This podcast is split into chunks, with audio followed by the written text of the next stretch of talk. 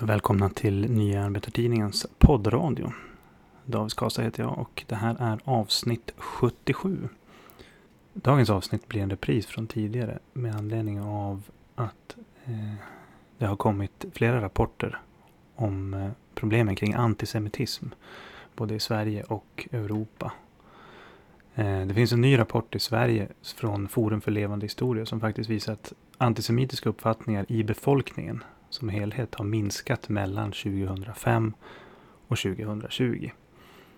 Samtidigt så finns det en, en annan rapport som utkom 2018 eh, där man kartlade eh, judarnas, eller den judiska befolkningens egen uppfattning om antisemitismen i samhället. Där Sverige var ett av de länder, man hade jämfört en rad olika länder i Europa, eh, var ett av de länder där problemen hade ökat mest. Och det här hängde ihop då med att islamister som Muslimska brödraskapet, wahhabitiska salafister har lyckats skaffa sig ett eh, visst, ett, ett starkt inflytande i Sverige. För den här undersökningen visade att 40 procent av alla förövare eh, när det gäller antisemitiska hatbrott var vad man kallar för citat Someone with extremist Muslim views. Vilket passar in på grupper som Muslimska brödraskapet. Eh, och även i andra europeiska länder så är det den här typen av grupper som, som har, står för väldigt mycket av antisemitismen.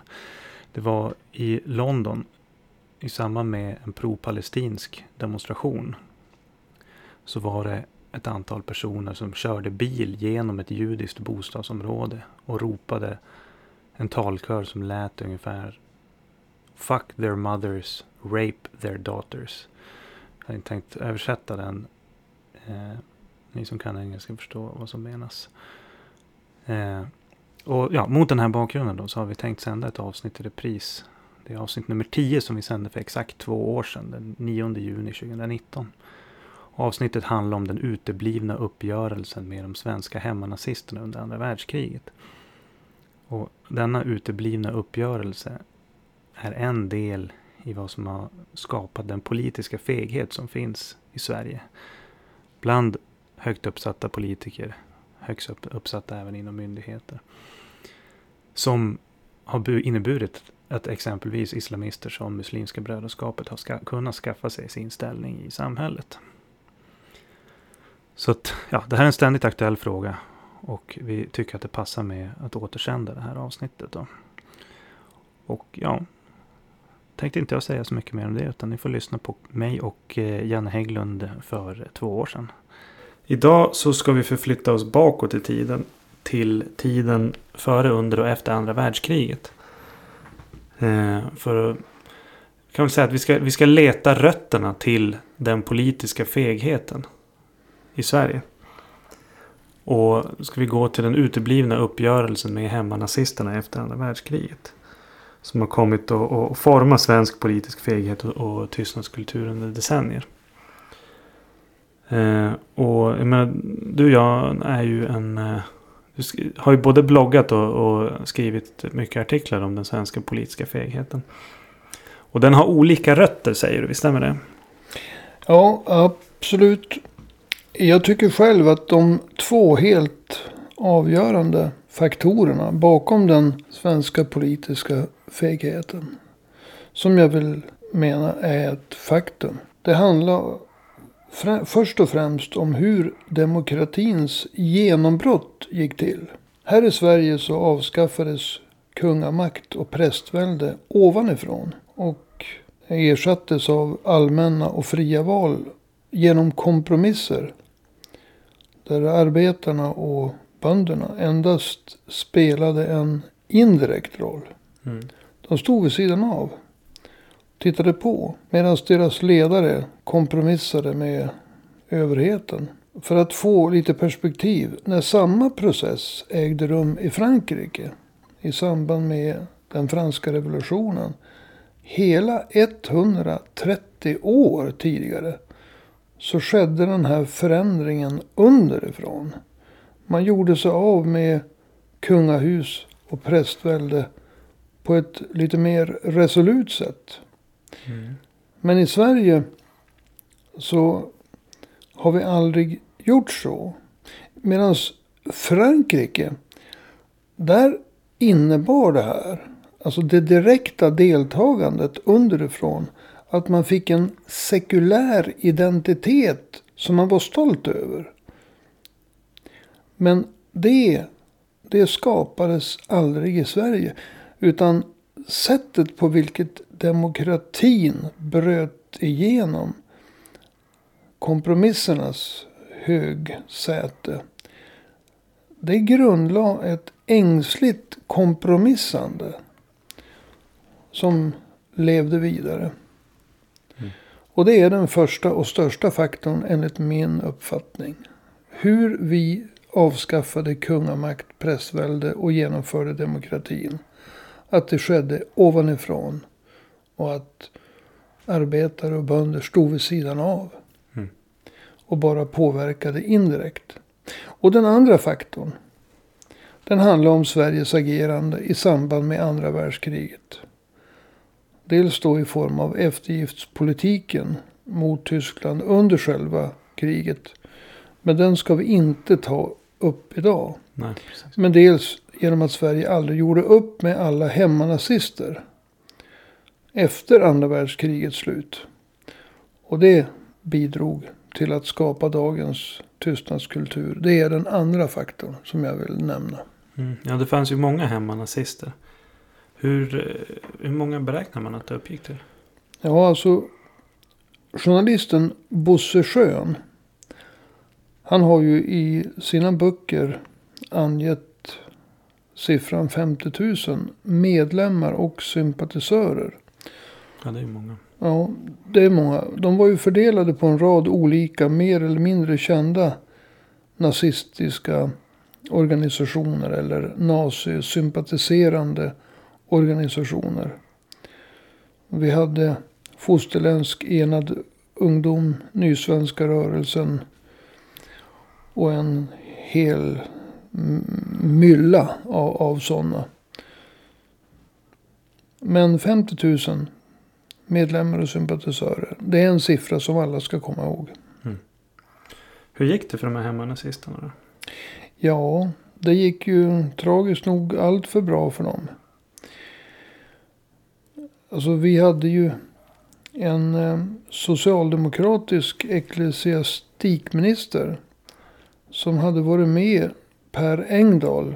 Som ju är mycket känd historiskt sett i den svenska nazirörelsen. Ecklesiastik, den senare socialdemokratiska ecklesiastikministern. Han var med Per Engdahl och bildade Nysvenska rörelsen. Han hette Ragnar Edenman. Det man bör säga det var att han hade avsagt sig sina nazistiska sympati, sympatisi, sympatier före andra världskrigets utbrott. Och blivit socialdemokrat.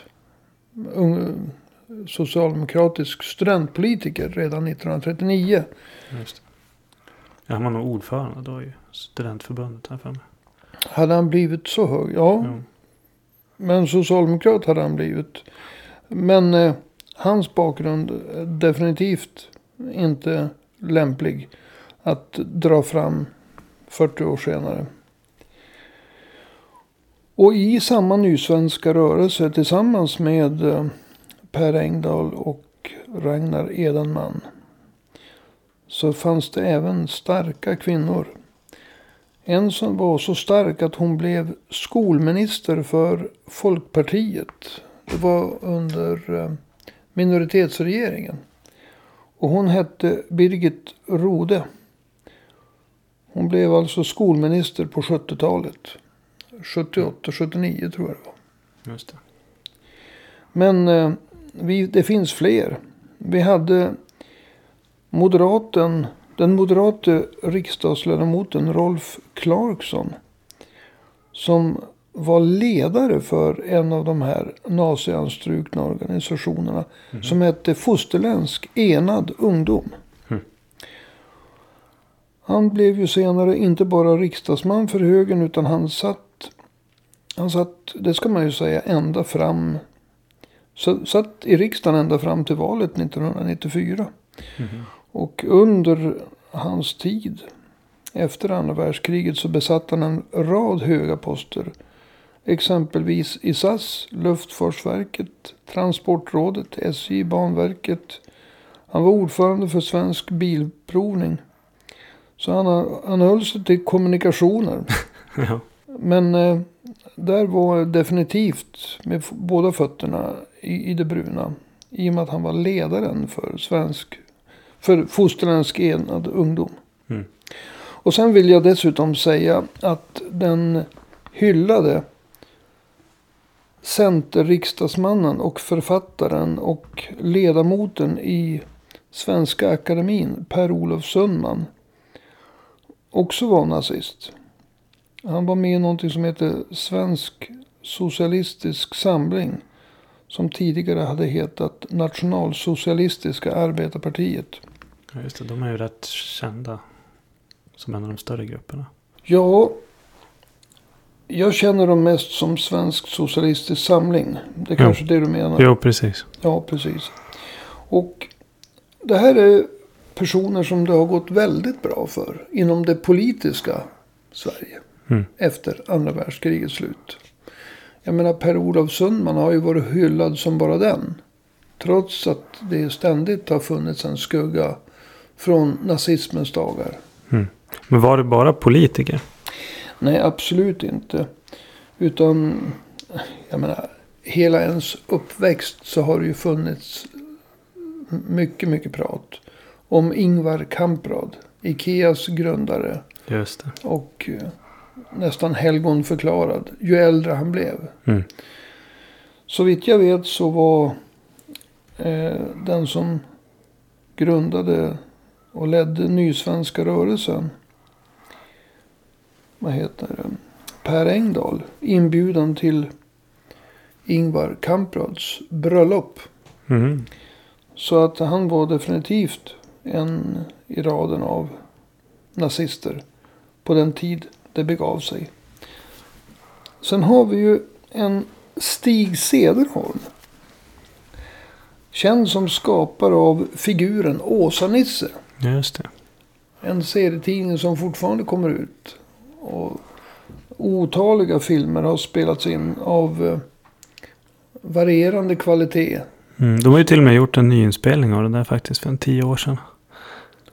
Så även det har tagits in i modern tid. Av Åsa-Nisse? Jo. Åh herregud. jo.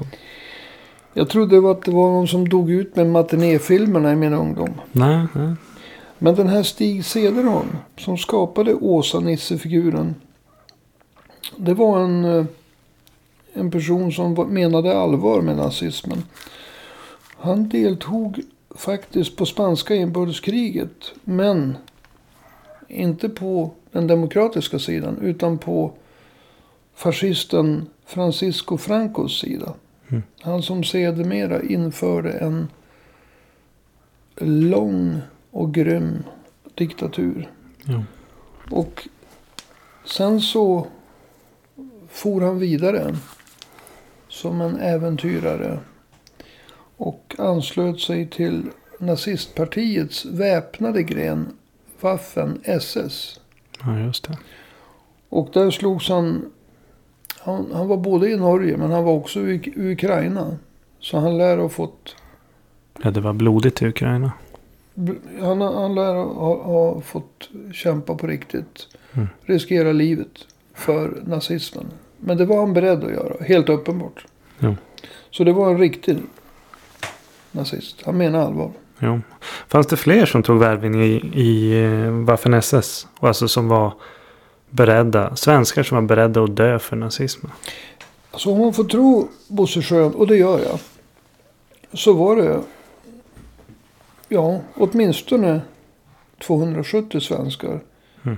Som eh, lät sig enrolleras i Waffen SS-uniform.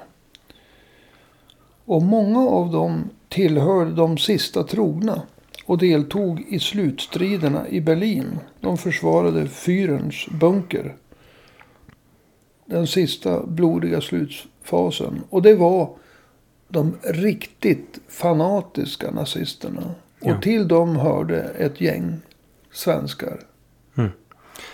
Jag jag vet ju att du har träffat en, en av de här mest fanatiska svenskarna. Han hette Ingemar Somberg och han bodde i Jönsele. Ett par mil utanför Åsele här i Västerbotten. Och han tillhörde en av dem som Bosse Schön intervjuade både i tv och hade med i sin bok om svenskarna som stred för Hitler. Mm. Jag pratade med Bosse Schön om våra tre träffar med Ingmar Somberg. Och eh, i och med att vi hade så pass många timmar som vi intervjuade honom så kom vi honom rätt nära. Han var ju självklart avvaktande och kände till att vi var demokratiska socialister. Mm. Och eh, han hade också, det lät han undslippa sig, kontaktat andra politiska riktningar av idag. Riktningar som var mycket negativt inställd till att han lät sig intervjuas av oss. Mm. Samtidigt så hade han ett behov av att få prata. Och eh, prata gjorde han. Jag kommer ihåg i en paus så bad jag om ett glas vatten. Mm. Och då kom han med ett flin på ansiktet. Och räckte med ett glas vatten med ett hakkors på. Mm. Och jag skrattade åt honom och så sa jag. Du vet mycket väl att jag kommer aldrig att dricka ur det där glaset. Ja men det är ju det finska flygvapnets symbol, sa han till mig då. Ja. Och jag, jag sa till honom igen. Du vet mycket väl att jag inte kommer att dricka ur ett vattenglas. Där det finns ett hakkors ingjutet i glaset. Ja, då flinade han och så gick han och tog ett nytt glas. Och det gjorde han för att testa mig. Men ha, finns det någonting mer du kan berätta från de där mötena? Ja, Om du har någon story. ja alltså han, han ljög väldigt mycket om varför han gick med. Han påstod att han hade fått veta av sina, om det var föräldrar eller fosterföräldrar, jag tror det var fosterföräldrar, att han skulle dö. Jag tror det var ju syfilis som han hade fått i samband med födseln. Eller någonting liknande. Mm. Och eftersom han ändå skulle dö så kunde han ju lika gärna låta sig enrolleras i Waffen SS och fara ut till fronten och eh, strida. Det är ju rimligt. Många som gör det som just ska dö. Ja. Och eh, det där gick ju inte alls ihop. Nej. Utan det där var en väldigt, väldigt efterhandskonstruktion. Han var inte så noga med sanningen. Han antydde att han hade fått spionuppdrag av svenska regeringen. Och Mhm. reste ofta till Polen för att utföra spionuppdrag. Han visade upp en väska med konstiga manicker Ja. som skulle föreställa radiosändare. Men det var väldigt ålderdomlig utrustning. Så han försökte slå i oss både det ena och det andra. Mm. Men han var mycket, mycket stolt över att han hade kallats för Die kleine Waffenmeister. Den lille vapenmästaren. För att han kunde alla vapen. Han kunde laga alla vapen. Och det tror jag att han kunde. Jag tror att han var en mycket god stridande soldat. Mm. Jag tror att han var en övertygad nazist. Och att han behöll den övertygelsen ända till slutet. Det var lite skrämmande att få veta att han användes som föreläsare för kadetterna på Karlberg nere i Stockholm. De blivande Jaha. officerarna. Och att han eh, överhuvudtaget var så pass eh, obemärkt.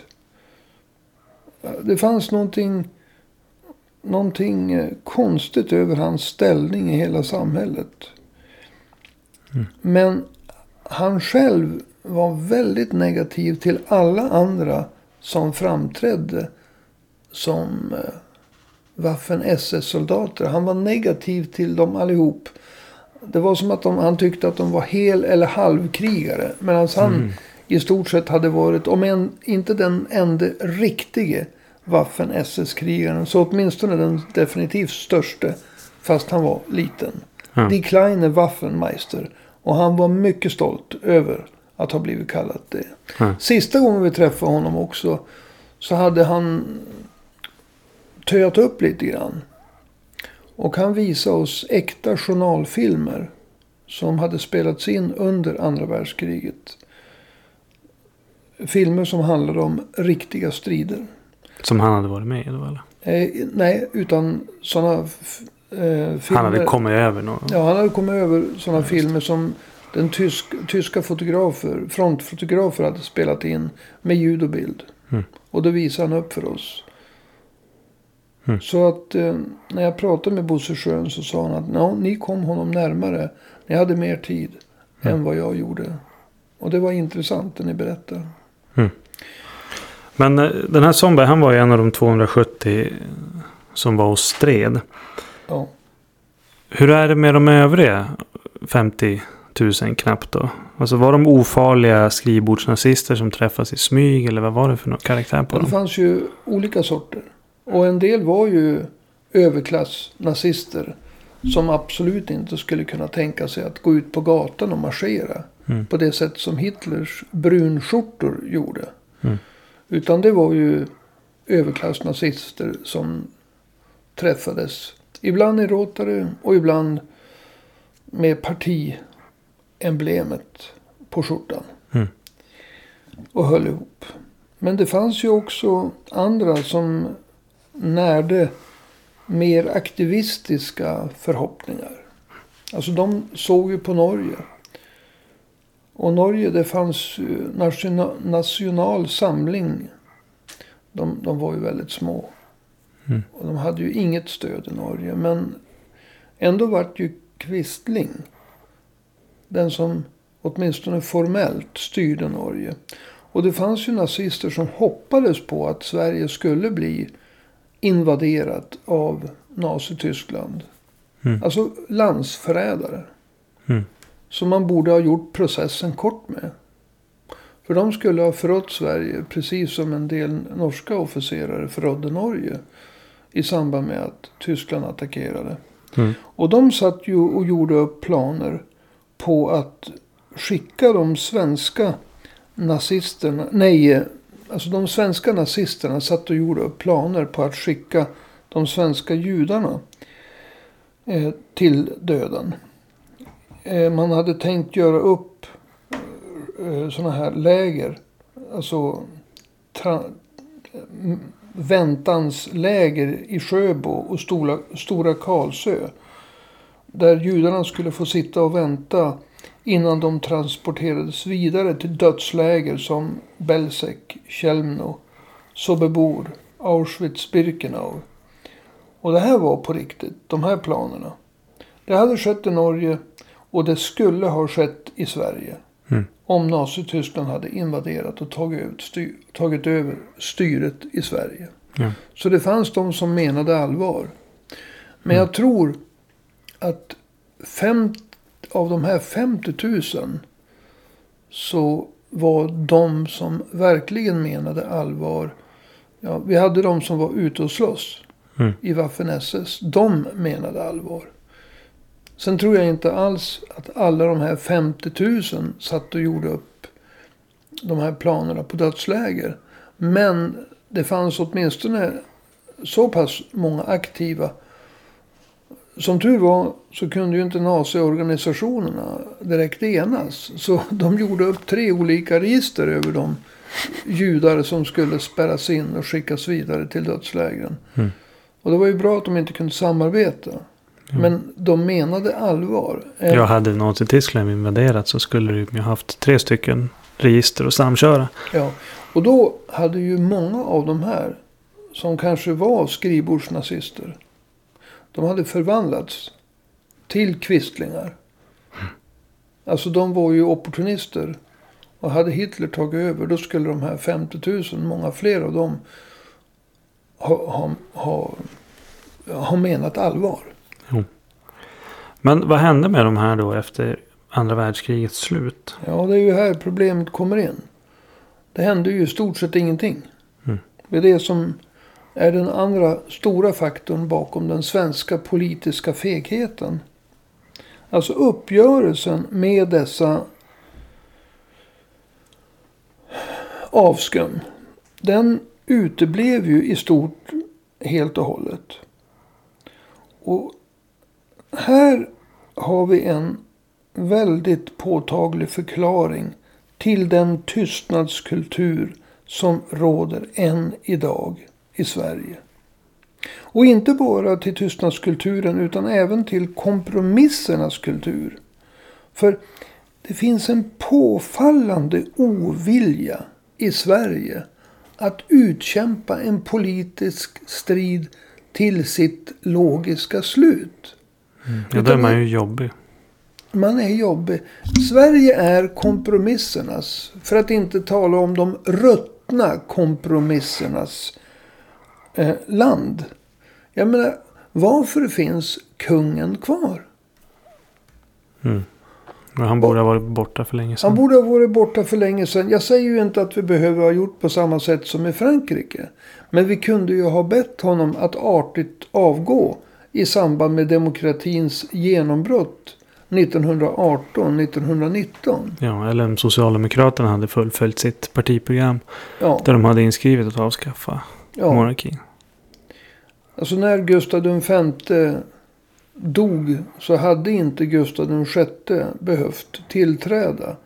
När Gustav VI dog hade inte Karl XVI Gustav, den nuvarande Ja, när man kunde satt dem på ett gods och liksom skicka hyresräkningar. Ja, jag tycker... att- Varje månad. Alltså, man, man, man skulle ha avskaffat monarkin. Och tillfället, det var 1918-1919. Mm. Samma sak det här med att man inte skilde, skilde kyrka på, från stat formellt. Mm. Förrän 1990. Alltså, det här är ruttna kompromisser. Som har, kan man, man kan tro att de inte har effekt. Men de har en effekt på denna tystnadskultur och denna kompromissernas kultur. Som gör att saker och ting i stort sett aldrig blir klara. Men, men när det gäller de här personerna då? Alltså, jag menar. De, Ja, jag, jag tycker att en av de sakerna som man slås av är att de ville servera alla svenska judar på ett silverfat till Hitler. ja. Hade Sverige, det, vi, vi måste ju upprepa det. Många av de här skrivbordsnazisterna som inte var ute och var beredda att marschera på gatan och slåss som Hitlers brunskjortor. Om bara Hitlers invasionsarméer hade gjort grovjobbet så skulle de här ha aktiverat sig. Ta, plockat fram sina register som de hade plitat ihop. Mm. Och då skulle det ha blivit effekt. Och tusentals och åter tusentals människor, judiska människor, skulle ha skickats ner till dödslägren. Ja. Och det var de här personernas dröm. Ja. Det var deras dröm att få bidra till utrotningen av judar. Och de var 50 000. Och alla skulle ha tagit ett stort, stort steg framåt i aktivistisk nazistriktning. Och Mm. förutom de 50 så skulle säkert ytterligare många ha anslutit sig. Så var det ju i alla andra länder. Ja. Och att vi inte gjorde upp med de här efteråt. Utan om vi tar en sån som P.O. Sundman. Den författaren. Svenska akademiledamoten. Och riksdagsmannen för Centern. En så uppburen person. Mm. Att ingen stack hål på den bubblan. Och ställde honom i den vrå där han borde ha stått som nazist. Clarkson, den här moderate eller högerriksdagsmannen. Han har ju berättat att när han stötte ihop med P.O. Sundman i riksdagens korridorer så hade P.O. Sundman gått upp i enskild ställning och gjort Hitlerhälsningen. Ja. Gamla nazister emellan. I riksdagshusets korridorer. Riksdagshuset som ska vara demokratins högborg. Ja. ja, som de för övrigt under kriget hade hånat. Ja, Ja. Men det, det jag tycker, om vi går vidare till nästa fråga. Alltså, det är så ofattbart. När en sån sak som att det här var människor som var beredda att servera de svenska judarna till Hitler. Att bara frakta till koncentrationsläger och dödsläger. Att man kan svepa en sån sak under mattan. Då kan man ju vad som helst tystas ner egentligen. Men varför tror du att allt det här sveptes under mattan? För det är ju ofattbart. Ja, det är två huvudorsaker. För det första fanns det ju en ny fiende. Som om man sökte skäl att svepa saker under mattan. Så utbröt ju det kalla kriget. Och plötsligt så var ju Sovjet den stora fienden. Mm. Och då hade vi ju inte tid och kraft och ork att göra upp med hemmanazisterna. Det var ju ett skäl. Mm. Eh, som man kunde använda. Det andra det var ju att de hade ju funnits inom i stort sett alla partier. Inom företagen. De stora viktiga företagen. Ta Ikea och Kamprad. Han är bara en i raden. Det Mm. fanns fler. Men de har funnits inom statsförvaltningen. Inom juristkåren. Inom officerskåren. Inom polisen. Alltså de hade genomsyrat samhället. Och börjar man kasta sten i glashus. Då kommer det ena. Om sossarna hade gått på Centern för P.O. Sundman. Hur skulle man kunna göra det? Man ville ju ha en... Man satt ju för det första i samlingsregering med Centern under andra världskriget. Men sen var det ju en koalitionsregering med Centern på 50-talet också. Jo. Alltså om någon började så skulle de andra slå tillbaka. Och alla skulle förlora. Så varför inte sopa alltihop under mattan. Med en tystnadskultur och kompromisskultur som följd. Mm. Sen fanns det ju annat att dölja. Alltså rasfrågan var mycket större i Sverige. Under första halvan av 1900-talet än vad vi förstår idag. Mm. Världens första rasbiologiska institut upprättades i Uppsala 1921. Nu ska vi kanske inte dra allt för långtgående slutsatser av det. Att det var världens första. Därför att kolonialmakterna, de eh, var många. England, Frankrike, Spanien, Holland, Belgien och så vidare. Och så vidare. Och de mördade och plundrade miljontals människor. Dog. Mm. Och Sverige hade sitt rasbiologiska institut. Som man måste inse var en liten, liten sak i kolonialmakternas agerande runt om i världen. Mm. Men det fanns där som en ersättning. Och rasbiologin var en erkänd vetenskap. Man, de så kallade vetenskapsmännen de kallade folk för ballastexistenser. Och man ansåg på allvar att de borde avlivas. Mm. Handikappade och utvecklingsstörda. Folk med bord, dåliga rener, gener borde rensas bort. Och nu fick man ju inga koncentrationsläger att använda för att sköta den saken. Så Nej. Sverige blev ju inte invaderat av Hitler. Så de koncentrationslägren uteblev. Men Sverige var ganska piggt på att tvångssterilisera och lobotomera människor med dåliga gener. Gener som inte borde föras vidare. Och här på Umedalens sinnessjukhus i Umeå så genomfördes så vitt jag vet mest lobotomeringar i hela Sverige. Mm. Alltså man skar sönt hjärnan på folk helt enkelt. Nu var ju det kanske en eh, ringa ersättning för ett rejält dödsläger om man var en hårdför nazist. Men eh, bättre det än ingenting. Jo. Du, vi börjar närma oss slutet här, men kan du se några paralleller till idag? Ja, alltså det finns ju det finns ju inte några nazistiska paralleller. Nordiska motståndsrörelsen är farlig för enskilda individer. Mm. Men det finns ju inget Nazityskland som de kan luta sig på Nej. och skrämma med. Men det finns en parallell. Och det är just det här med att partierna håller varandra bakom ryggen. Därför att den tystnadskultur och eftergiftspolitik som Sverige idkade i förhållande till Nazityskland.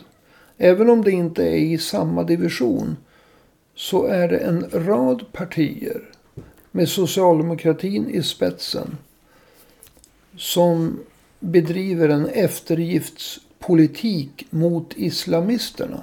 Mm. Och det, här byter man politiskt inflytande mot röster. Och det är inte bara Socialdemokraterna. Utan i deras spår, mer eller mindre, så har vi Miljöpartiet. Mer. Men vi har också Vänsterpartiet. Vi har Centerpartiet. Och här finns det en kollektiv ovilja. Ta det här med lagstiftningen när det gäller de återvändande IS-krigarna. Varför har i stort sett alla länder inom EU en fungerande lagstiftning som kan ställa de här inför rätta. Mm. Utom Sverige. Alltså det, det, här har vi återigen kompromisserna, tystnaden och man håller varandra bakom ryggen. Mm. Ni har era islamister och vi har våra. Och låt oss tala tyst. Och det påminner otäckt mycket om den samarbetsanda som fanns under andra världskriget. Mm. Nazisterna då, islamisterna nu. De spelar inte i samma division. Men det är samma me mekanismer till stor del. Samma mekanismer av feghet, politisk feghet. Det var det vi började med. Och det var det vi slutade med. Mm. Så nu har vi fått ytterligare en sak. Förutom hur det gick till när demokratin genomfördes. Förutom det här i samband med första världskrigets tystnads och kompromisskultur. Så har vi allt negativt kring islamisterna. Ja.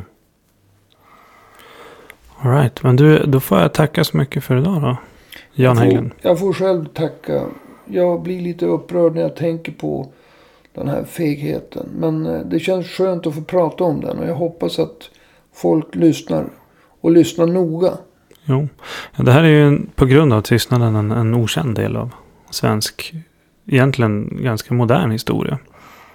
Ja, och vi får tacka Bosse Schön och en rad andra personer som har gjort sitt. Mm. Jag kan bara beklaga att vi aldrig fick tid att publicera det arbete som vi själva gjorde med Ingmar Sonnberg. Men det, den tiden ska väl komma också. Och det var allt för idag. Jag heter David Skasa, jag är redaktör för Nya Arbetartidningen. Och eh, vi hörs igen nästa vecka. Hej då!